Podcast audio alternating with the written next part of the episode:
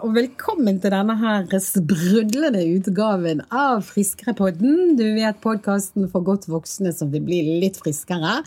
Og her i studio sitter Anne Marit og Ingjerd, og sprudler litt, jeg også. Og hvorfor sprudler vi, da? Ja, hvorfor sprudler du så spesielt mye i dag, Anne Marit? Eh, eh, altså, jeg må jo si det, dette her er jo det, dette er en sånn milepæl-podkast, vil jeg si. Fordi at uh, nå har det gått tre måneder siden eh, jeg la om eh, livsstil, og vi bestemte oss for å kjøre dette prosjektet. Og da tok jo jeg en haug med blodprøver og fikk egentlig vite hvor elendig det sto til med meg. Ikke sant? Eh, du husker det? Jeg husker det, og det var ganske um, alvorlige tall. Ja, det var jo liksom ikke bare det at jeg hadde høyt blodsukker, altså det var ikke bare sukkerverdiene, men det var jo alle disse andre negative tingene. Sant? Sånn triglyceriner, altså fett i blodet. Jeg hadde veldig høyt på jeg hadde høye leververdier, det, det har jo vi snakket om tidligere, men jeg hadde alle disse tingene som indikerer at du er utsatt for å få eh, hjerte- og karsykdommer, først og fremst. Men òg masse sånne følgelidelser ut av diabetes. Eh, urinsyre hadde jeg veldig høyt. Altså veldig mange av de, det var jo veldig dårlige. Og nå har jeg vært og tatt eh, blodprøver igjen. Ja, etter tre måneder, og det vet jeg du var veldig, veldig spent på. Eh, for det har jo litt med motivasjon å gjøre. og... Um, Fortell. Ja, eh, Det har mye med motivasjon og Jeg lurte jo på hvorfor jeg ikke kunne ta blodprøver hver måned.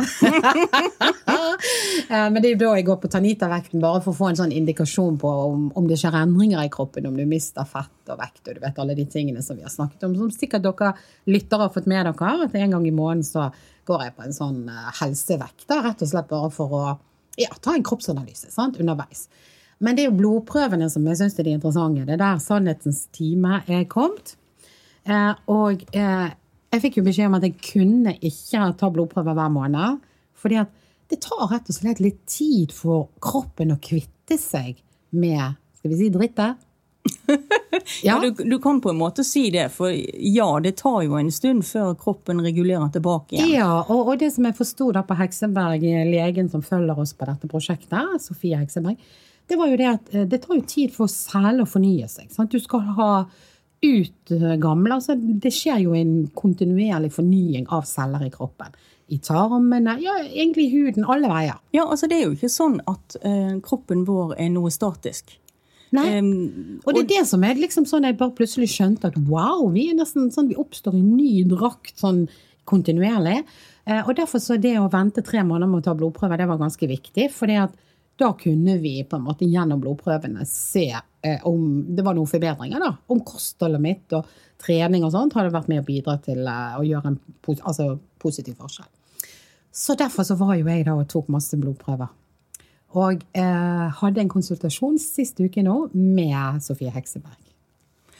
Ja, Måneder er ikke lang tid. Nei, men det føles som en evighet. Ja. Nei, altså, nei, jeg er helt enig med deg. Det er ikke lang tid. Du, og, og, det har jo gått veldig egentlig sånn sett fort, når jeg ser det i et sånn retroperspektiv. Uh, og i et langt perspektiv så er jo tre måneder ingenting. Altså Hvis vi tenker livet, så er jo tre måneder bare et sånt uh, nanostopp underveis. Men når du er underveis på reisen, så tenker jeg, da tenker du egentlig bare dag for dag og uke for uke. Uh, da virker tre måneder veldig lenge. Så jeg husker veldig godt når jeg tok de prøvene. Jeg tror det må ha vært i slutten av januar begynte jo dette prosjektet 4. februar. Og da tenkte jeg herlighet, tre måneder for å, sjekke om dette virker. Um, det, men de tre månedene har egentlig gått ganske fort. Ja, I hvert fall når du ser tilbake på det. Ja. og så når, dere, når, da jeg, når da Hekseberg åpner meg og forteller det at uh, hun er jo ganske sånn edruelig og sånn, ikke sånn veldig sånn wow, wow, wow, hippie. Altså, vi, vi var liksom ikke der, men hun bare gikk sånn gjennom verdiene, verdi for verdi, da, for å si det sånn. Og det blir jo veldig mye medisinske uttrykk, og det er en god del ting som ikke vi, jeg ikke fester med så veldig mye med. Bare mer sånn er dette innenfor eller utenfor normal? Sånn? For det er jo alltid normalverdier. Eh, og noen skal jo ligge i nederste del, og noen skal ligge i øverste. Eh, men vi har jo et spesielt fokus på de tingene som er risikofaktorer, som, som, utløser, som er forbundet f.eks. Med diabetes, som er forbundet med autoimmune sykdommer, altså som kan trigge, som ligger åpenbart latent i kroppen min. Eh, og det, det var da jeg ble så lettet og så glad for det at eh, bare etter tre korte måneder så viser det altså det at jeg er innenfor normal på absolutt alle verdier. Ja, Er det ikke det helt utrolig? La oss sprudle og skåle! Ja, det er faktisk sant, altså. Det, er, det var virkelig sånn overraskende raskt. Men har eh, Sofie Hekseberg sagt noe om er det, det er selvfølgelig lavkarbokostholdet, men, men eh, det har vel også noe sammenheng med, med vektnedgangen? Ja, helt sikkert, men hun, hun differensierer ikke det. Men hun, hun applauderer jo at vekten går ned. Jeg vet ikke hva som hadde skjedd hvis jeg ikke altså hvis jeg hadde opprettholdt samme vekten. Så vet jo ikke om jeg hadde fått de gode verdiene. Så jeg vet ikke helt sammenhengen mellom dette. Jeg tenker jo mer det at det at jeg endrer kosthold, bidrar til at jeg òg går ned i vekt. For jeg har jo ikke hatt fokus på vektnedgangen. Hvis jeg hadde det, så hadde jeg jo spist kanskje hatt mye mer fokus på å spise mindre kalorier. Sant? For det er jo, eh, en del av den lavkarbomaten er jo veldig energitett. Eh, Du spiser jo mye mer fett, så det at hvis jeg skal begynne liksom å å villede hodet mitt bort i dette med kalorier og sånn, så vil jeg si at jeg kanskje aldri har spist så mye kalorier. Altså Når var det jeg liksom satt og spiste halve bokser med crème fresh eh, over, eh, over eh, grønnsakene de gangene jeg tillater meg meieriprodukter? Og jeg har aldri spist så mye bearnéssaus i mitt liv som over en god salat, f.eks. For, eksempel. Sånn, for det er jo dette her med at du skal ha mer ut av og jeg har spist så utrolig mye avokadoer, oliven og den type sånn energitette kilder. da. Men det er jo en del av det som er på dette kostholdet. sant? Eh, og, så jeg vet ikke hva som er høna og egget her, men jeg vil jo tro det at det at vekten har gått ned, bidrar positivt til mange av disse tingene. Men det kan jo være et resultat av det blitt det samme uten. Det, det vet jeg ikke. Og det sa hun egentlig ikke så veldig mye om. Nei, men jeg bare tenker ut fra at, at eh, det å ha en for høy vekt, det er i hvert fall en risikofaktor. Så jeg tenker at det, det er antagelig motsatt også. At når du går ned i vekt, så vil du minske risikoen. Ja, helt sikkert. Og jeg er jo ikke, altså jeg, jeg tenker det at jeg både skal ta av 10-15-20 kilo til hva vet jeg. Jeg er jo på en eller annen reise der vi får se hvor jeg ender. Eh, Men eh, jeg har jo gått ned mellom 10 og 15 kilo et eller annet sted der, og det merkes jo godt. sant? Og det er klart at det som har vært det positive, er jo det at det er veldig mye farlig fett. Altså rundt magen og eh, innvoll og sånne ting som vi vet jo er en risikofaktor. Det har jo forsvunnet. Det er omtrent så det smelter litt vekk eh, fordi at forbrenningssystemet mitt nå tar fetten. Altså vi, er, jeg går, altså Energikilden min blir jo på en måte det at og, eh, kroppen, Før så fòret jeg med karbohydrater sant, for å holde meg i gang, og nå tar han av kroppens egne reserver. på en måte. Og det er jo det som er veldig positivt. Ja, så får du en mer bevissthet rundt hva du spiser, tenker jeg. Absolutt. At hver eneste dag så må du gjøre et valg. Hvert eneste måltid så må du gjøre et valg. Ja, og du vet du hva, akkurat sånn som jeg tenker det nå. Jeg sto faktisk i en butikk i morges og kjøpte meg en sånn Noco, en sånn eh, lavkarbo-energidrikk. Som jeg kanskje Jeg unner meg kanskje en sånn om dagen i perioder, eller bare dropper det. Men det er i hvert fall en av de tingene jeg kan drikke med sånn sett god samvittighet. For å få noe annet enn vann og kaffe. Eh, og da sto jeg inne i en 7-Eleven, jeg hadde vært på en behandling eh, for litt sånn ryggplager og sånn. Og så Um, der så jeg Du vet inni disse butikkene så bogner det boller og Ja, du vet. Ja, det altså, det ligger jo fremme der. Sånn tre for en eller annen viss sum, og de skal jo alltid lokke på deg. Og da sto jeg og så på dette. Og så tenkte jeg jeg ser det egentlig ikke, men nå når jeg konsentrerer meg og ser det, så kjenner jeg at jeg har ikke lyst på det. Nei, Og det er jo en kjempestor endring. Det er en kjempestor Det har faktisk skjedd på tre måneder. Altså Før var jo jeg så vill etter den type ting.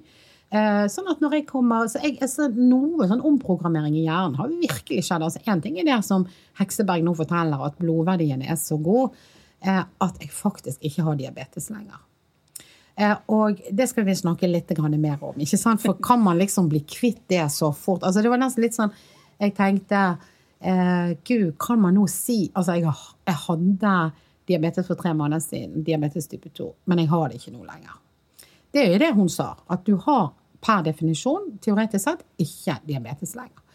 Eh, og det er jo eh, det som er egentlig målet mitt. Sant? Det er jo å bli kvitt diabetesen og ikke bruke medisin. Sant? Det er jo det som er liksom dette prosjektet. Og så kan du liksom være tilbøyelig til å tenke ah, ja, er i mål nå, da? Er det liksom bare sånn frislepp og Nå er jeg i mål, nå har jeg oppnådd Tror ikke det. Nei, det er jo ikke sånn det fungerer. Eh, og eh, det er jo rett og slett noe som eh, vi bør snakke litt mer om. Sant? For det at det å tro at fordi at jeg nå har så lave altså jeg har jo Langtidssukkeret mitt er jo helt normalt. Eh, det fastende blodsukkeret er litt høyere. altså Når det er under syv, så er det på en måte Da har du stort sett ikke diabetes. Sant? Men det bør ligge et eller annet sted sånn på fem-seks er jo det beste. Eh, jeg har litt, høye, litt høyt fastende blodsukker fremdeles. Men det sier Hekseberg henger sammen med at leveren ennå ikke har kvittet seg med alt sukkeret. Fordi at kroppen bruker altså Den produserer jo om natten, ikke sant? Leveren jobber veldig om natten, sier hun. Sånn at med det vil, eh, Hvis jeg fortsetter på dette kostholdet, som jeg da skal, så vil den òg tømmes for dette. Sånn at sakte, men sikkert så vil det fastne blodsukkeret mitt, som er, eh, nå var 6,8 eller noe sånt, det var jo 10,8 da jeg begynte, så det er jo betraktelig tatt ned. Eh, men det kan godt gå ned mot femtallet eller ligge under seks. men det sier hun vil skje. Det, det bare handler om tid. Ja, for igjen det vi innledet med her, dette med at eh, kroppen skal omdannes, cellene skal fornyes. Eh, disse raske løsningene som vi forventer, det, det, tar tid. Og det kommer fortsatt til å, å ta tid. Og så skal jo du Eh, bibeholde dette ja. kostholdet. Det er akkurat det. Altså, men det som jeg syns er det interessante, altså det som Hekseberg sa, det var jo det at eh, For hun gikk veldig sånn nøkternt gjennom dette med meg. sant? Og så sier jeg ja, er dette bra, da, eller er det veldig bra, eller er det sånn normalt eller dårlig? Altså, hvor, er det sånn sammenlignet med andre? Og så sier hun det er helt som forventet, sa hun. Dette hører hun om og ser hun. Det, altså, jeg er ikke første eksempelet på at dette virker. Eh, det var egentlig det hun bare sa. Altså Hun var liksom sånn kjempefint at det virker, men du er ikke første som forteller om det. Um, uh, men det er jo like stort altså for, for, hver som på en måte tar tak i det på den måten som jeg har gjort, så er jo det selvfølgelig kjempeflott å høre at uh, man har vært flink. Og, men, men um, hun sier at dette her er på en måte sånn All hennes erfaring og praksis tilsier at det er dette som skjer, når man gjør de endringene som jeg har gjort. Så hun ble ikke veldig overrasket. Jeg ble jo litt overrasket over at det allerede etter tre måneder så kunne hun si du har egentlig du har ikke diabetes lenger. Nei, sånn per definisjon. Mm. Men det ligger jo der på en måte latent og regner jeg med kan utløses igjen hvis du går tilbake til gamle ja, uvaner. Det vil jeg tro. Det er jo, altså, for det, dette er jo ikke en jobb som liksom er jobb på tre måneder, og så er det sånn hei, nå kan jeg eh, gripe opp, altså gå tilbake igjen til de dårlige vanene mine og det kostholdet jeg hadde tidligere, da vil jeg jo tro at jeg spiser det på meg igjen. Eh, og jeg har jo nok hatt det latent dette her i mange mange år. Kanskje, har, altså, kanskje hele mitt liv. Sant? For det er jo en genetisk disposisjon. Eh, og eh, sånn at hvis jeg hadde fortsatt å vært stygg med kroppen min, altså spist det han ikke tåler, så Altså, det var jo bare et tidsspørsmål før jeg skulle få diabetes, altså hvis du tenker sånn, i forhold til både det at jeg har den genetiske disposisjonen, og det kostholdet jeg hadde. Så sorry to say Det er ikke noe sånn trøst. Altså, jeg syns jo det er helt uh, fantastisk å konstatere at uh, det virker, men jeg er jo fullt klar over at dette er liksom bare første etappe. Men det er derfor jeg tenker det er så positivt, uh, det du opplever når du går inn eh, på denne kiosken og ser de bollene, ser den maten som før ville bare snakke til deg. liksom, mm. Kjøp, kjøp. Kjøp en mm. pose med tre boller, mm. og så spiser du det i, i, I heisen på vei til jobb. ja. ja, for det er en sånn blanding av at, at, dette trenger jeg, jeg er stresset, jeg trenger noe påfyll. Eh, alt dette som vi unnskylder oss med. Mm, mm. Eh, så det syns jo jeg nesten er, er det aller beste. At, ja, det, at det begynte å feste seg i hodet som en bevisst handling.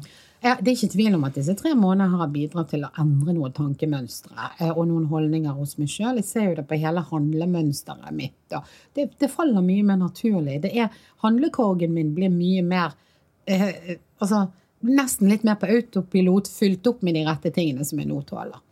Eh, sånn at eh, det er jo en veldig OK reise. Og så kan du godt si det hvis du skal til de brillene på det, og så tenker jeg herlighet, jeg er nødt til å liksom følge en, en, form for diett som dette her resten av livet. Det snakket jeg med Hekseberg om òg. Eh, hun sier at du har vært ekstremt flink, sier hun. Altså, hun sier at eh, de fleste oppnår denne type resultater, men, men, men på litt ulike tidspunkter. For det, jo, det, avhenger jo litt av hvor konsekvent du er. og på en måte, Jeg har vært ganske konsekvent. Jeg begynte jo de første månedene med sånn fastende ketogent eh, kosthold. Jeg har nok sluppet litt mer opp den siste måneden. Litt, litt mer kalorier, eller eh, karbohydrater. Eh, sånn at det ikke er så ketogent lenger. Og det er jo det jeg vet at jeg må leve med i årene som kommer. Men da sa jo hun til meg ja, du har vært kjempeflink. Eh, Jeg ser at du blir lei innimellom, for hun leser jo søndagsbloggen min. og der har hun sett det at jeg kan bli grundig lei innimellom. Og så sier hun hvis jeg tenker så fatalistisk og tenker at jeg skal gå på en streng ketogen diett resten av livet, så vil jeg, det vil ikke det vil ryke. Det vil ikke fungere. Men hvis jeg klarer å tenke at eh, jeg skal velge vekk sukker og karbohydrater i det store og det hele, og så skal jeg unne meg innimellom. Det sa hun. Altså de belønnings... Eller de uten at du dermed tenker at du bryter noe eller er skamfull eller Nei, for det er viktig. Ja. Det er utrolig viktig. Ja. At det ikke blir sånn svart-hvitt. At, at du tenker 'nei, nå sprakk Der jeg'. sprakk jeg, og så bare, for, og så bare Og så går jeg kan det er nå den dagen ødelagt. Ja. Og så fortsetter du neste dag, og så tenker du nei, nå er det den uken ødelagt. Jeg får begynne på nytt igjen. Du vet jo slankekuren begynner på mandag. Mm. Um, Det er det som er faren. At du tenker at det blir veldig sånn fatalistisk. Du tenker at der sprakk jeg, nå kan jeg like godt bare eh, dure på. Eh, men jeg, det som jeg tenker, det er det at eh, eh, jeg må nok slakke på. altså Jeg tror det var veldig riktig, og det er riktig for meg fremdeles, å være litt streng. For jeg vil jo samtidig ned i vekt. Men når jeg ikke skal det lenger, når jeg har funnet liksom det stedet der kroppen Jeg, jeg, jeg blir ikke tynnere, så jeg blir jo aldri noe sylfide. Eh, og da må jeg slakke litt ut av og sørge for at jeg ikke legger på meg igjen. Det er jo det ene. Og det andre er at ikke blodsukkeret, altså at jeg går ut i det der spinnet som jeg har vært i. Og det er et livslangt, livslangt eh, prosjekt, altså. Men tenker du nå at med de resultatene du har hatt, med de endringene som har skjedd både kroppslig og, og i hodet, at eh, du er på uh, rett vei? Absolutt. Jeg ble jo så oppløftet ut av at det ved den endringen som tross alt har vært til å leve med? Eh, som jeg eh, har gjort nå, at det gir de resultatene. Jeg merker jo det på hele kroppen. Sant? Jeg har jo mye mindre plager og betennelser og, og den type ting. Altså, hele maskineriet mitt fungerer jo veldig mye bedre. Eh, Så det er jo egentlig bare en oppside. Det er jo virkelig det. Altså, jeg, det er jo nå jeg kanskje skjønner hvor mye maten har forurenset systemet mitt, da, hvis du kan si det sånn. Jeg har jo i lange perioder trodd at jeg ble matforgiftet alle mulige steder rundt om i verden. Jeg, har- jeg har klaget på restauranter og, og liksom bare sagt at her må det være noe feil. Men det er jo faktisk jeg som har spist mat og eh, ja, som rett og slett har forgiftet meg sjøl. Så det at, eh, så jeg, jeg må jo si det at jeg har jo rolige tarmer og rolig mage, og jeg har mye bedre hud. og jeg har, altså Velværet totalt sett er jo kjempe. Så det er så utrolig mange sånne fordeler. Det handler jo ikke bare om diabetesen. sant? Men det er jo en kjempeerkjennelse. Og, og bare det at du sier 'jeg har forgiftet meg sjøl', Ja. det, det er jo ganske brutalt. Ja, det si er det, sånn. men, men, men det er egentlig litt sånn vi kan se på det. Altså, det er det bildet jeg har. Altså, når jeg, det er noe av grunnen til at jeg på en måte litt sånn lett klarer å skygge unna en del ting som jeg spiste før. Jeg ser på det nå som sånn, litt sånn styggedom. Det er sånn, dette var med å bidra til min uhelse. Dette var med å bidra til en lavere energi, til en god del sånn indirekte og direkte plager. Sant? Fordi at du, så, så jeg er jo ganske forundret sjøl over å erkjenne hvor mye maten faktisk betyr for hvordan vi har det. Og jeg skrev faktisk eh, Nå har jo du vært på tur, Inger, og vi skal jo komme nå i resten av sendingen så skal jo du ta oss med litt grann på den. For vi- Ja, for vi hadde jo en eh, 40-års jubileumstur, for vi var 60 med Hurtigruten fra Bergen til Kirkenes. Og du hadde jo med deg opptaker, og det blir jo skikkelig kult å høre på. Da sitter vi her på MS Finnmarken med eh, Arnstein Larsen, som er Food and Beverage Manager. Det som på norsk heter ansvarlig for mat og drikke. Stemmer det, Arnstein? Det stemmer. Eh, Jeg har ansvar for alle utsalgssteder, om vi skal kalle det det, på båten. Altså restaurant, bar, kafé og eh, ja, alt som har med mat og drikke å gjøre. Og det er mye. Altså, vi har gått rundt uh, Kolpo til lunsj, og der er også en rikelig frokost. Eh, der er mye å forsyne seg av. Og hva skal en gjøre som er på en lavkarbodiett? Jo, eh, det er selvfølgelig det kan være en utfordring. Det er, det, det er mye godt å velge mellom. Eh, Men vi har på buffeene så prøver vi å tilpasse sånn at det skal være litt for alle. Eh, Vi har alltid kjøtt og fisk til, på lunsjbuffeen eh, som varmrett. Vi har vegetarretter. Eh, og vi har eh, salater som kan tilpasses. Så det skal være et godt utvalg for alle. Ja, og det er jo selvfølgelig Dessertbordet kan være en utfordring, men der òg prøver vi å, å, tilpasse litt, så det skal være lavkarboalternativ der òg. Ja. Og så er det jo et alternativ med oster på dessertbordet. Det er det. Vi har mange gode leverandører eh, langs hele kysten. Vi har jo både avtaler med, med Tingvollost, som har kraftkar, som ble kåret til verdens beste ost for noen år siden. Eh, vi har ost fra Lofoten, fra Åland gård. Og vi har ost fra Gangstad, litt utenfor Trondheim. Og selvfølgelig òg en del eh, oster fra Tine. Så vi har mange, eh, mange gode oster mellom der òg. Og mye av maten vi får om bord her, den er kortreist. Fortell litt om det. Ja, vi, har, eh, vi prøver å utnytte den gode muligheten vi har med at vi reiser opp og ned kysten hele tida. Eh, det er jo et stort fokusområde for Hurtigruta å bruke lokale småprodusenter. Vi kaller det så fint Norwegian Coastal Kitchen, et flott norsk, eh, norsk ord. Vi, ja, vi, har leverandører langs hele kysten, så stort sett hver eneste stopp vi har på turen, der får vi levert forskjellig mat og drikke. Eh, vi har mat fra Voss, vi begynner der i Bergen og har smalahove på menyen. Og eh, helt opp til eh, Finnmark med reinsdyr som har gått og beter på Finnmarksvidda. Og selvfølgelig innimellom alle har vi mange gode leverandører der. Og gjerne òg småprodusenter som ikke, ikke har de, de, store kvantumene, men de har nok i hvert fall til å levere til oss. Det en ting er koldtbordet, men til middagen så er det fast treretters meny. Og hva skal en som går på lavkarbo gjøre da, når desserten er en nydelig sjokoladekake? Ja, det, vi har jo igjen så er det Norwegian Coastal Kitchen. Eh, vi har et, en konseptmeny der. Eh, så vi har stort sett hver dag en fast trerettersmeny. Den skifter jo selvfølgelig dag for dag.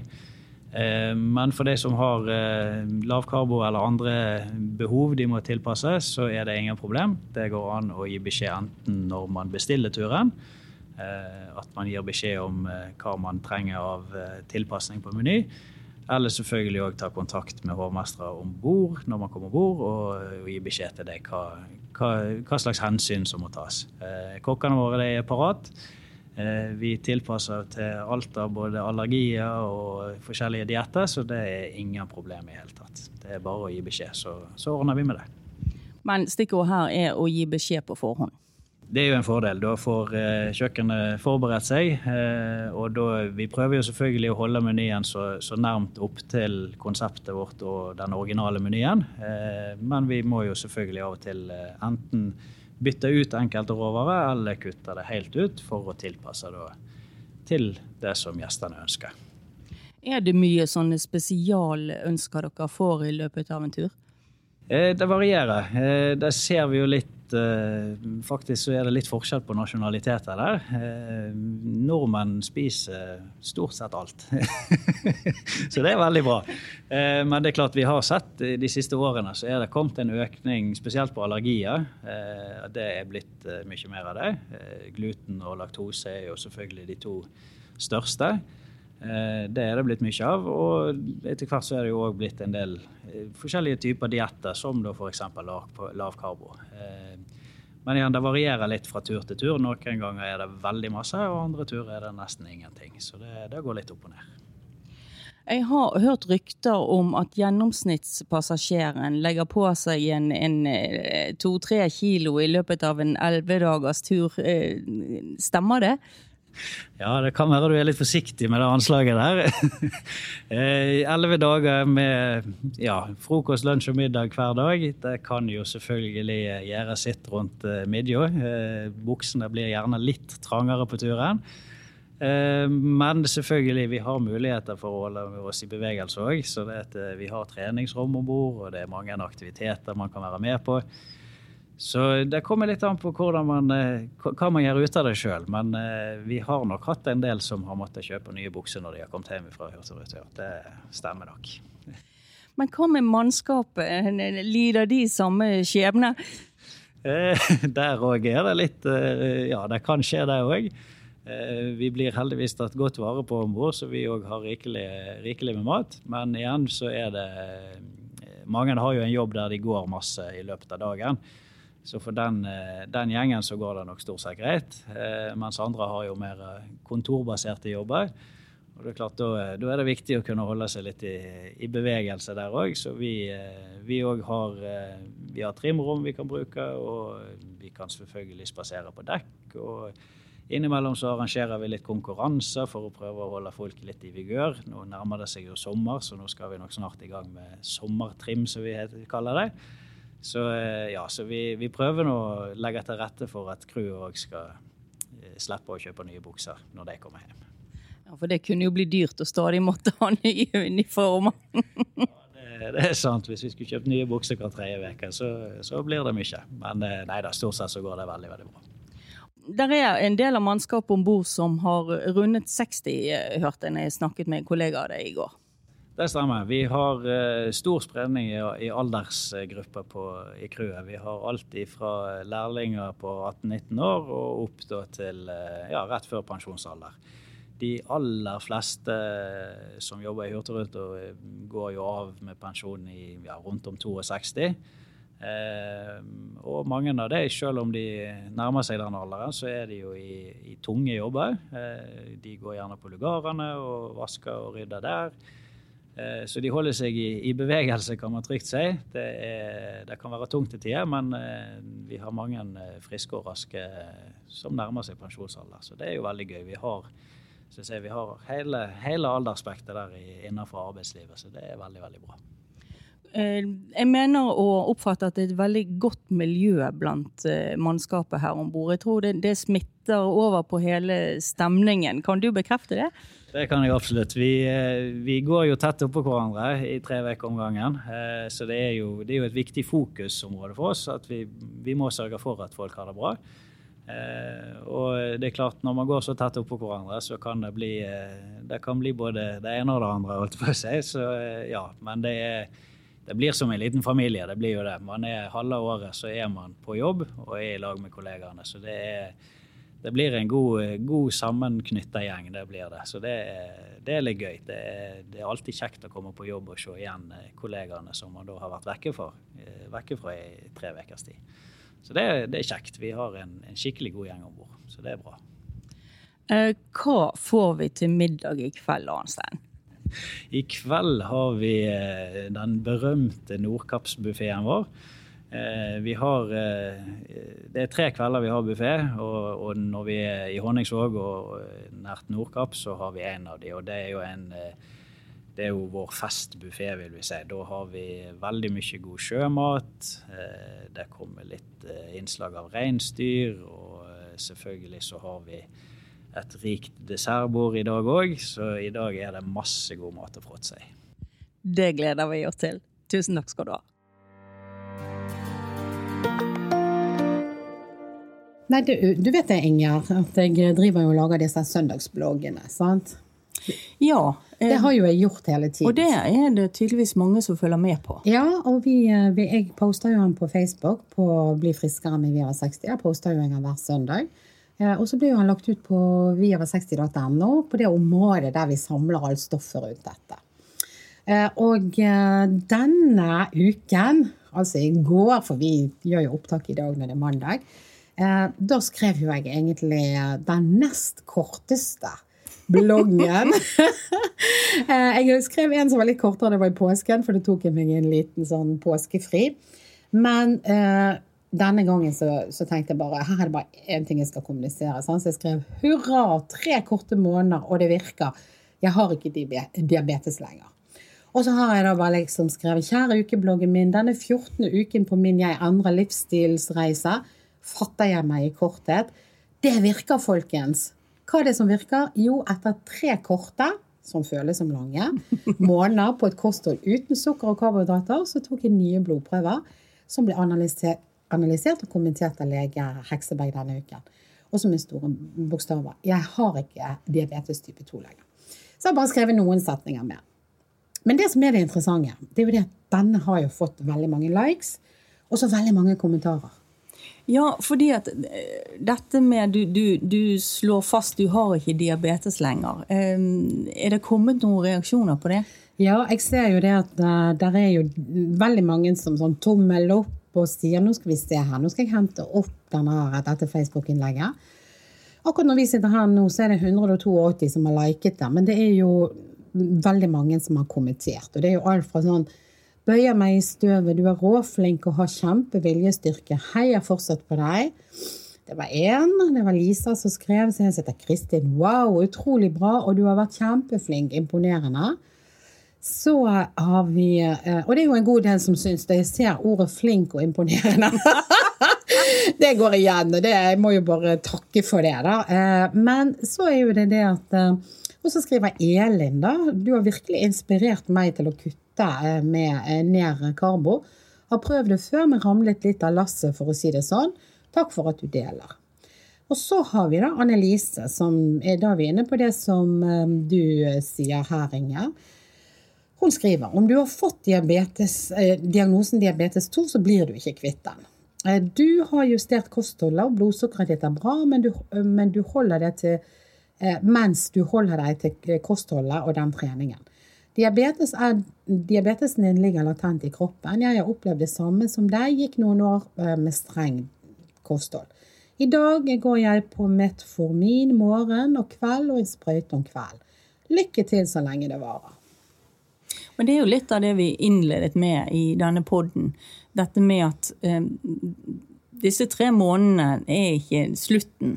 Eh, det, det, er nærmest begynnelsen på et livslangt prosjekt. Ja, og jeg ser det at det er en del nedover her som akkurat vil understreke det. Kjempeflott. Da kan man ikke si at man ikke har diabetes. Den er bare borte så lenge man går på kostholdet. Lykke til videre. Eh, alt dette her er jo for så vidt riktig, men, men det som òg er riktig eh, Nå er jo det lege her, Sofie Heksenberg som sier at jeg ikke har diabetes lenger.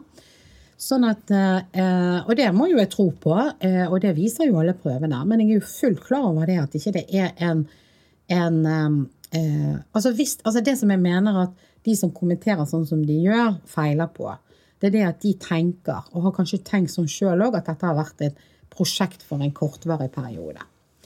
Det er jo det ikke. Jeg har jo sagt fra dagen at jeg er fullt klar over at dette er et, livs, altså et livsstilsendringsprosjekt som må ha varig karakter. Så det at jeg har egentlig aldri tenkt på at det var bare en diett for en kort periode. Jeg har tenkt at nå må jeg omprogrammere kroppen min, få den over, altså både få den vektnedgangen som jeg tror er bra, eh, og så lære meg nye vaner, velge ut. For jeg, jeg har virkelig spist mye mat. altså. Det er ikke det at jeg har sultet. Altså, det jeg tenker når det gjelder sånn dietter, det er sånn veldig tilmålte små måltider og sånne ting. Men jeg syns jeg har spist mye mat. Men jeg har spist helt annen type mat. Og det er jo det som er selve endringen her. Altså programmeringen. Og det vet jeg må vare livet ut. Jeg må være forsiktig med sukker. Jeg må være forsiktig med karbohydrater.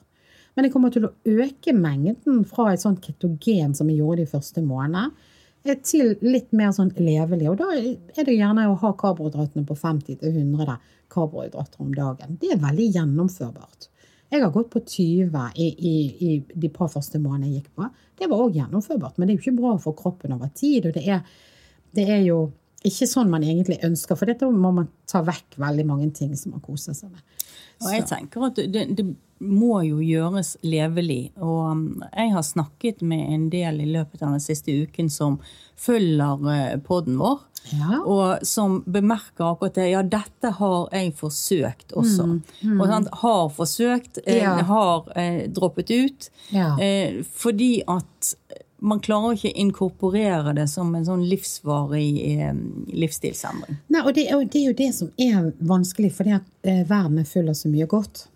Ja, dessverre. Det er jo det. Og, og, du kan si at alle tilbud og alle ting vi blir servert i alle mulige, sant? det handler jo veldig mye om lette karbohydrater og sukker. Så jeg, jeg skjønner veldig godt det perspektivet. Og du kan godt si det at det, eh, det er et offer. Altså, hva skal du si Dette prosjektet mitt det handler litt sånn, sånn eller handler om. For dette skal jo vare ut året og vel så det, og det skal jo vare hele livet. Men så lenge vi skal følge det, så er det i hvert fall en del måneder fremover til.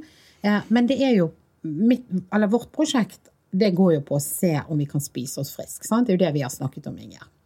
Eh, og langt på vei så er vi i ferd med å dokumentere at ja, man kan spise seg frisk, og man kan spise seg friskere. Det er jo liksom det. Altså, Ja. Betyr maten noe for hvordan kroppen har det? Ja, men altså det er så underbygget eh, i alle vitenskapelige undersøkelser at ja, det vi spiser har noe å gjøre med hvordan vi har det. Absolutt. Og så har jo jeg den konkrete diagnosen som er veldig sånn målbar. sant? Altså det med diabetesen, og så tar vi det i det perspektivet. Jeg tror at mange begynner på en lavkarbodiett fordi at de bør gå ned i vekt. Ja, det tror du har rett i. Ja, og, og det er klart, Men nå har jo vi akkurat postet på Facebook-siden til Vi over 60 i dag, at det er en veldig stor megaundersøkelse som var sitert et annet sted, og som vi bare lager en lenke til, som viser at selv for vektreduksjon så er dette med å kjøre lavkarbo kontra å telle kalorier, altså lavkalori, mye mer effektivt. Sånn at, så hvis du bare isolert sett tenker på vekt, så har jo du da da har du én hensikt. Min hensikt har vært å bli friskere, altså bytte ut noe av dritten på innsiden, hvis jeg skal si det sånn. Ikke bare miste fett, men få de gode blodverdiene. Og det er et litt annet prosjekt. Sant? Og som jeg har sagt hele tiden, det er en litt annen motivasjon òg. Altså, jeg tror at hvis du bare velger deg en lavkarbodiett fordi at du skal gå ned i vekt, så, så går du ned til begynnelsen, og så får du disse platåene, og så slutter du kanskje å gå ned, og for kroppen blir jo vant til ting og omstiller seg. Da, da mister du litt motivasjon og finner kanskje ut at det er en annen kur du skal gå på. Eller noe sånt. Men for meg handler jo dette om at eh, min innside, altså hele mitt apparatur, hele min kropp, fungerer mye bedre. Og hvis jeg opp og til kan gå ned i vekt på det, så er det kjempeflott. For det er jo to fluer i en smekk, på en måte.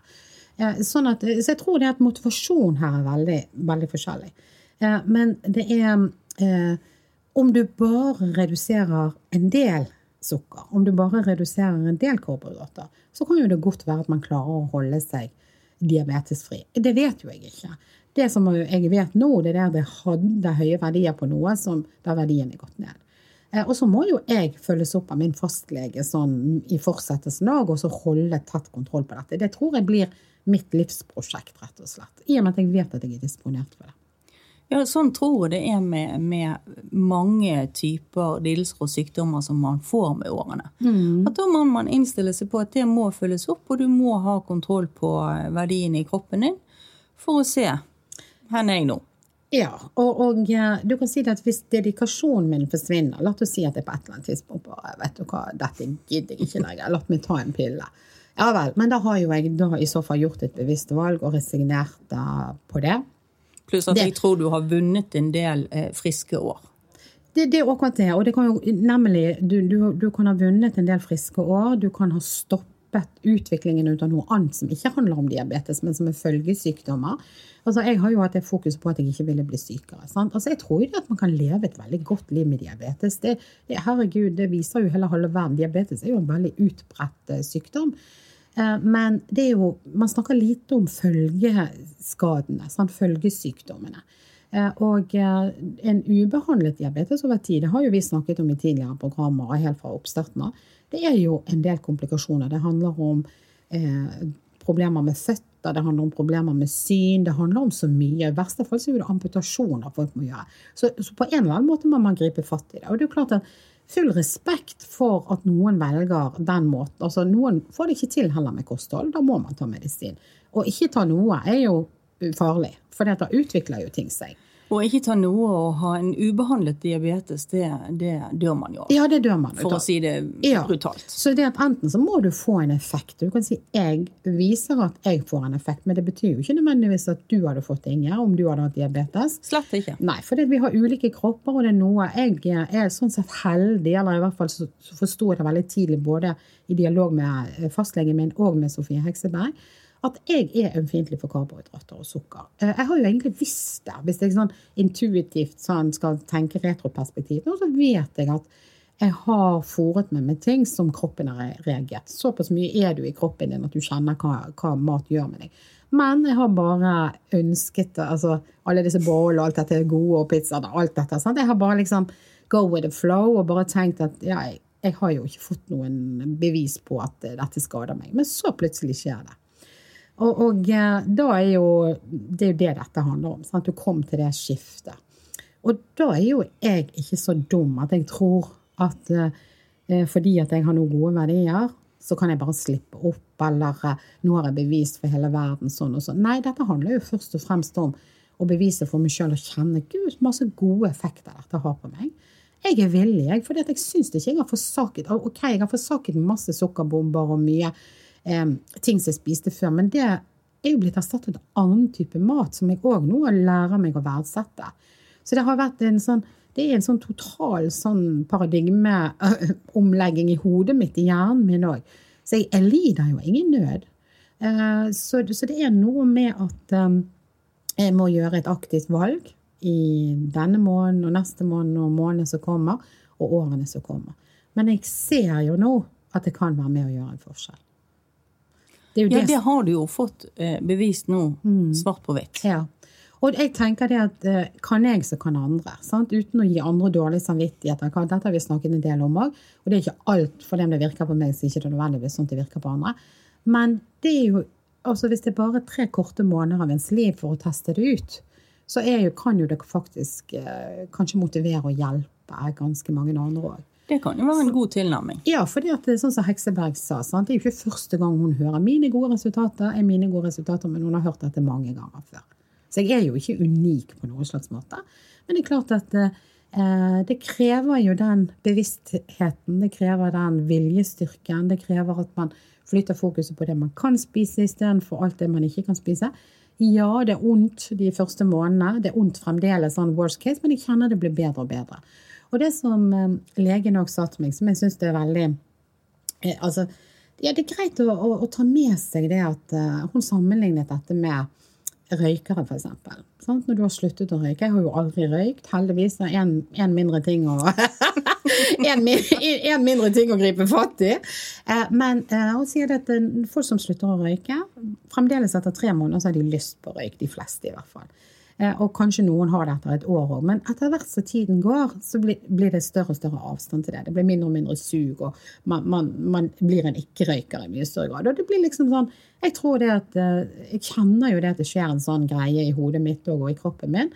Jeg kommer til å bli mer og mer en sånn lavkarbospiser. Jeg går ikke rundt og sier at det er det jeg er på. Jeg bare sier at jeg har kuttet ut det meste ut av sukker og, og karbohydrater. Fordi at jeg Eh, det kan være litt sånn belastet dette med lavkarbo alt det der. Hvis noen tror at jeg sitter og durer i meg masse fett og sånt, altså det, da må jeg skuffe dere. Det gjør jeg ikke. Men jeg velger jo avokadoer og, og oliven. Altså, jeg, jeg, jeg, velger mattyper med naturlig fett i større grad. Og jeg ser jo det at det øker forbrenningen min. Altså det, på en måte, det, det, gir riktig energi til min kropp, da, som gjør at Eh, og da, dermed så fortsetter jeg å gjøre det. Men det er jo ikke snakk om også på en måte Fremdeles er det sånn at jeg har fett forbi. Altså det er ingen, så det, det at det er skjult i naturlige produkter, det er viktig for at jeg skal kunne leve med dette kostholdet. Så hvis det var snakk om sånn at jeg måtte f.eks. ta x antall skeier med olivenolje hver dag, eller skjære ut av fettrandet altså Skjønner du? Eh, og jeg har faktisk spist karbonadekjøttdeig istedenfor rent kjøttdeig. Mm. Jeg burde på dette kostholdet ha tatt rett eh, bare kjøttdeig, for den er mye mer fettig. Så jeg har jo fremdeles noen sånne fobier mot det som du kan tenke på som veldig sånn ja, mye høyt fettinnhold. da. Men, uh, men uh, det er absolutt til å leve med det, det sånn som jeg har gjort i disse tre månedene. Hvis det er det som skal, ta, på en måte skal til for at jeg skal holde meg frisk i årene som kommer, så er det til å leve med. Ja, jeg tenker jo at du blir jo nødt til å finne mat som du liker å spise. Ellers så vil du i hvert fall ikke klare å holde ut. Det, det kan vi jo være ganske enige Ja, og, og, da vil utfordringen ligge i sant, at du klarer å variere, at du, sant, at du eh, at, at, du utvider på en måte litt sånn, sånn som nå er det snart 17. mai. Det 17. mai denne uken, Inga. Og da har jeg bestemt at jeg skal feire disse gode mm. resultatene. Og da skal vi lage en lavkarbokake. Wow! Sant? Det blir liksom, Da skal jeg ta meg et godt kakestykke. Og så skal vi lage rømmegrøt som er lavkarbo. For vanligvis så kjøper vi en sånn ferdig som er veldig god òg, og vi er ganske mange som skal være sammen. Men det er fordi andre spiser. Nå kommer jeg til å lage en egen rømmegrøt som er lavkarbo. Og, og, så kommer jeg til å kose meg. Jeg, jeg, føler jo det at jeg koser meg mye, men jeg koser meg med andre ting på en annen måte enn det jeg gjorde før. Ja, og så, så. ser du på mat på en annen måte. Men jeg må jo si at det er jo utfordringer i hverdagen i det hele tatt. Jeg satt på en flyplass i går. Ja. Litt forsinket. En mm. ganske liten flyplass. Og så fikk vi matkuponger pga. forsinkelsen, men det var ikke så veldig mye jeg kunne veksle den matkupongen inn i, egentlig. Og spesielt ikke hvis jeg har gått på lavkarbo. Ja. Da var det kanskje noen nøtteposer. Mm. Og det er det, som er, det er det som er utfordringen. Men det er der du blir ganske, du blir ganske smart etter hvert. Fordi jeg beveger meg nesten ingen steder utenom å ha en, som jeg har sagt før, en lavkarbo-bar i væsken. Eller en nøtteblanding eller et eller annet sånt. Fordi at det, i en del situasjoner når du er på farten, så er det utfordrende. Men når du vet det, når du har erfart det, når du har sittet der og kjent på at uh, ting skjer med kroppen din, så det er så deilig. Det er en sånn sikkerhetsgreie å bare kunne ta opp. For hvis jeg da hadde spist den lavkarbobaren i den situasjonen som du var i, så hadde det dekket mitt behov der og da. Og du kan alltid kjøpe vann, og du får alltid svart kaffe. Ja, det er helt sant. Og da kjenner jeg at jeg faktisk er reddet. Så, men du, du var jo på denne her hurtigruteturen. Og vi eh, var jo på tur med flere fra vi var 60. Og du har jo eh, intervjuet kollega Eirin om dette her òg, så la oss høre på det. Da sitter jeg her med kollega Eirin, som er med på en, eh, jubileumsturen vår til eh, Kirkenes. Det betyr seks dager om bord med mye mat. Og eh, hvordan eh, takler man det når man prøver å følge en lavkarbodiett, Eirin? ja, nei, for å si det sånn, det er jo veldig mye god mat her. Og jeg, i utgangspunktet så er jo jeg veldig glad i god mat. Eh, så første dagen når jeg gikk langs med buffeen, det var en lunsjbuffé, så tenkte jeg meg selv at kanskje jeg bare tar en uke fri. Men det som jeg innså raskt, det var jo det at på dette koldtbordet så var det veldig mange ting en faktisk kunne spise. Så det var jo en lettelse for meg. Eh, og da tenkte jeg OK, jeg eh, prøver nå første dagen eh, og ser hvordan går dette. Og det var salater, det var masse, håper jeg ja, grønnsaker som vokser over jorden, hvis jeg kan kalle det for det. Det var fisk, det var kjøtt, og det var rent fisk og kjøtt. Og så hadde du da sausene ved siden av. Eh, og i tillegg så hadde de jo et fantastisk flott eh, ostebord. Så eh, jeg fikk en nydelig god lunsj, mettende og god, og i tillegg en utrolig god eh, liten dessert på toppen. Og det var ostefatet.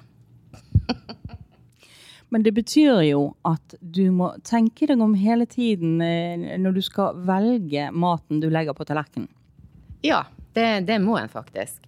Men nå begynner jeg å få det så eh, Hva skal du si? Jeg vet hva jeg kan spise, og jeg vet hva jeg ikke kan spise. Så det gjelder egentlig å se etter hva kan jeg spise. Fordi at de tingene som jeg ikke kan spise, det ser jeg jo vekk. Altså, jeg ser jo ikke på dem engang.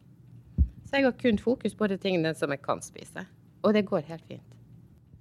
Du har prøvd dette en gang før, eh, har jeg hørt. Um, men da gikk du litt eh, matlei, var det det? Ja. Jeg gikk fryktelig matlei fordi at uh, hvis en ikke utforsker litt uh, matoppskrifter, og har med seg matoppskriften i vesken uh, når man skal ut og handle, så er det veldig lett for at du kjøper de her enkle tingene som du kommer på i farten, og som du kan lage deg til middag. Så jeg jeg spiste koteletter, jeg, gjennom en lang periode. og det ble jo så kjedelig. Og i tillegg så Jeg spiste så mye kjøtt at jeg fikk liksom den der eh, Altså, jeg, jeg syns alt bare smakte kjøtt til slutt, altså uansett hva jeg spiste. Så eh, nei, det var ikke en god opplevelse. Men denne gangen så har jeg jo jeg har jo valgt å gjøre det annerledes. For jeg visste at jeg kom til å komme til et punkt der jeg var så lei ut av den her tunge smaken ut av kjøtt at jeg har variert veldig, veldig mye mer med fisk og med fugl. Så per i dag så er jeg ikke matlei. I dag så er det bare jeg, masse nye, spennende oppskrifter og ting som jeg ser eh, både ser godt ut og jeg vet smaker godt, og som jeg kan spise. Ja. Men betyr det at du ser for deg at du skal følge et Altså nå er jo ikke du på um, ekstremt lav karbokosthold, det vet jeg jo. Men så du får det at du kan følge dette kostholdet over lengre tid, eventuelt uh, lengre perioder, kanskje hele livet? Ja, i utgangspunktet gjør jeg faktisk det. Fordi at uh, jeg, jeg, tror det her går liksom i litt sånne etapper. Uh, man har en å si, første etappe der ting er litt nytt, og der en må bruke mye tid på å sette seg inn i hva en faktisk kan spise og ikke spise. Og så kommer man på et uh, nivå der man vet hva man kan spise. Men der er det mer at en liksom må utforske og finne nye oppskrifter og finne sine yndlingsoppskrifter, sånn at en ikke går matlei. Og så tenker jeg at i og med at ikke jeg er på dette strenge, uh, si ketogene uh, kostholdet, der du må holde deg innunder 20 karbohydrater per dag, så tenker jeg at egentlig så går det på å kutte ut potet, brød, jeg håper si, alt det som har med disse vekstene under jorda. Altså, det er relativt enkelt å følge, syns jeg. da. Og så har man jo disse erstatterne som man kan ty til av og til, disse barene. Og nå Vi var i Bodø. Jeg var i land på Bodø, eller i Bodø. Og nå har de faktisk fått eh, is på, eh, som går på akkurat den samme sammensetningen som disse barene, disse nye barene. Kjempegod is. Så jeg ble jo så overraska. Nesten ingen karbohydrater. Så det var jo bare Så liksom sommeren er jo reddet, da. ja, det er jo viktig at, at, tenker at man føler at man ikke må forsake så veldig mye. Og så så jeg eh, i går at du fant en kremvariant som du likte veldig godt. Og krem er jo sånn sett lov i lav lavkarbo, ikke det? Ja, det er det. Dette var en rømmekrem. Og det var lite sukker i den. Så jeg, jeg, vet ikke hvilket støtningsstoff, men jeg kjente at det var ikke mye sukker. Så den òg, den var bare Jeg vet ikke, man, man endrer litt uh, Altså smakssansene endrer seg når man er på uh, lavkarbokosthold. Uh, så det som smaker pitt, eller det som ville tidligere ha smakt lite søtt, smaker veldig søtt nå. Så derfor så trenger en ikke så mye ut av dette søte, om det er kunstig tilsetningsstoff eller hva det er for noe. En trenger langt mindre ut av det. Så nei, den kremen var veldig, veldig, veldig god. Nei, for det, det, det, du sier, at det, det søtsuget Altså du oppfatter søtt på en annen måte. Du trenger mindre søtt, er det det du sier? Ja, for å være helt ærlig, så grunnen til at jeg eh, har valgt et eh, lavkarbokosthold, det er fordi at jeg har et eh, stort søtsug. Og det er sånn at hvis jeg er stressa, eller hvis jeg kommer hjem, går inn i butikken, er sliten, så vet jeg, slik som jeg gjorde det før, så gikk jeg ut ifra der med en ganske stor pose med masse små sjokolader. Fordi at det var det som da skulle til for å piffe meg opp. Og så vet jeg det at hvis jeg skulle forsøke meg på et Grete Rode-opplegg som jeg har gjort tidligere, så vet jeg at selve dette søtsuget forsvinner ikke. Det ligger der. Det ligger trigget hele tiden. Men når jeg går på et lavkarbokosthold, så er det helt borte. Det er jo det som er så fantastisk for meg med det. Det er helt utrolig. For jeg har ikke diabetes eller noe sånt, så jeg trenger ikke å tenke lavkarbo av den grunn. Men det er rett og slett pga. at dette søtsuget mitt, altså søt, søtbehovet mitt, forsvinner. Det er ikke der lenger. Det er jo fascinerende. Men tilbake til her eh, på Hurtigruten.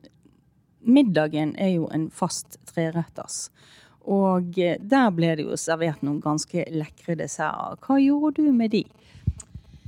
Eh, da, det jeg har gjort der, det er at eh, jeg har smakt bitte lite grann. Og så er det en veldig god kollega som har fortalt meg om denne mindful smakingen, eller spisingen. Så den har jeg faktisk hatt i bakhodet. Så jeg har tatt en liten skje, og så har jeg bare smakt meg gjennom. Liksom, tenkt, liksom hvis det har vært desserter, som regel så har de jo vært sammensatt ut av flere si, ingredienser eller flere smaker. Så jeg har tatt bitte, bitte litt av hvert, og så har jeg bare liksom smakt. Så jeg har tenkt trenger jeg noe? Altså, hvordan smaker dette? Trenger jeg noe mer av dette? Nei. Så det har vært veldig enkelt.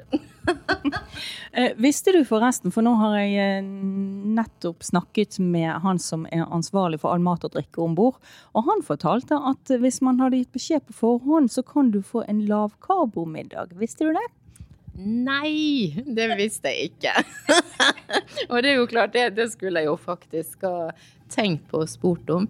Men jeg har liksom ikke tenkt at det var et alternativ. Jeg har liksom trodd at uh, de som gikk på vegetar eller veganer, at de hadde muligheten til å få et litt mer sånn tilpassa eller en tilpassa middag. Da.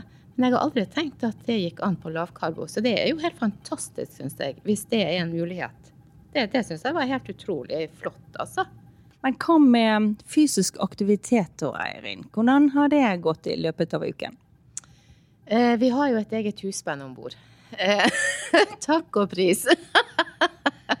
Så det har jo om kveldene har vi jo, jeg håper å si vi har hatt damenes eh, hva skal du si, hva heter det da, damenes dans. Og da har hele dansegulvet vært fullt av bare damer. Det har ikke vært damene som har bydd opp menn, men alle damene har vært der ute. Og det har vært virkelig god trim. Så da har vi fått rørt på oss. Og så er det jo, det er jo heis eh, på Hurtigruten, men det er jo også trappe. Jeg har ikke tatt heis, eh, men jeg har gått ganske mye opp og ned disse trappene. Det er et treningsrom her. Eh, det har jeg valgt å ikke benytte meg av. Eh, det skulle jeg kanskje ha gjort, men jeg har ikke, jeg si, jeg har ikke følt behov for det. Det er også svømmebasseng her. Eh, det har jeg ikke vært i. Men jeg har vært i boblebad. Så jeg har tatt en litt sånn Det har ikke vært den mest trenings... Det har ikke vært så veldig mye trening denne uken, men det har vært mye hverdagstrim. Og så har det vært dans på kveldene. Så vi har fått rørt oss. Dans er god mosjon. Ja. Både for sjel og sinn, holdt jeg på å si, og kropp. Så det Nei, en blir, eh, en blir i godt humør ut av å, å si, bevege seg til musikk. Og når du ser alle de andre rundt deg òg. Du, får, du, ser bare store smil. Folk synger med. Nei, det er, det er stas. ja. Takk skal du ha, Eirin. Ja, da har jo vi hørt hvordan Eirin ordnet dette. Hva tenker du, Ingjerd? Jeg er både inspirert og, og imponert. Mm. Eh, fordi jeg satt jo og observerte hva hun la på tallerkenen. Ja. Så jeg kan bekrefte at det hun sier, er riktig. Ja, ja men det, det, som jeg syns er veldig morsomt, det er jo det å faktisk være med og inspirere folk i vår eget, på vårt eget hus og i vår, vår, vår egen mediebedrift. Det er jo kjempegøy. Eh, og, og, det å på en måte praktisere det òg når du er på reise, der du egentlig kan ta for deg Du har jo i mange sammenhenger lyst til å ta for deg av livets goder, dessertbord eh, herfra til evigheten og alt dette, men det er kjempegøy å høre at uh, det gjennomføres så. heia, heia, heia, sier jeg. ja, men Da avrunder vi den sendingen, vi, da, og så høres vi igjen neste onsdag. Det gjør vi. Ja, ha det kjekt så lenge. Takk for det.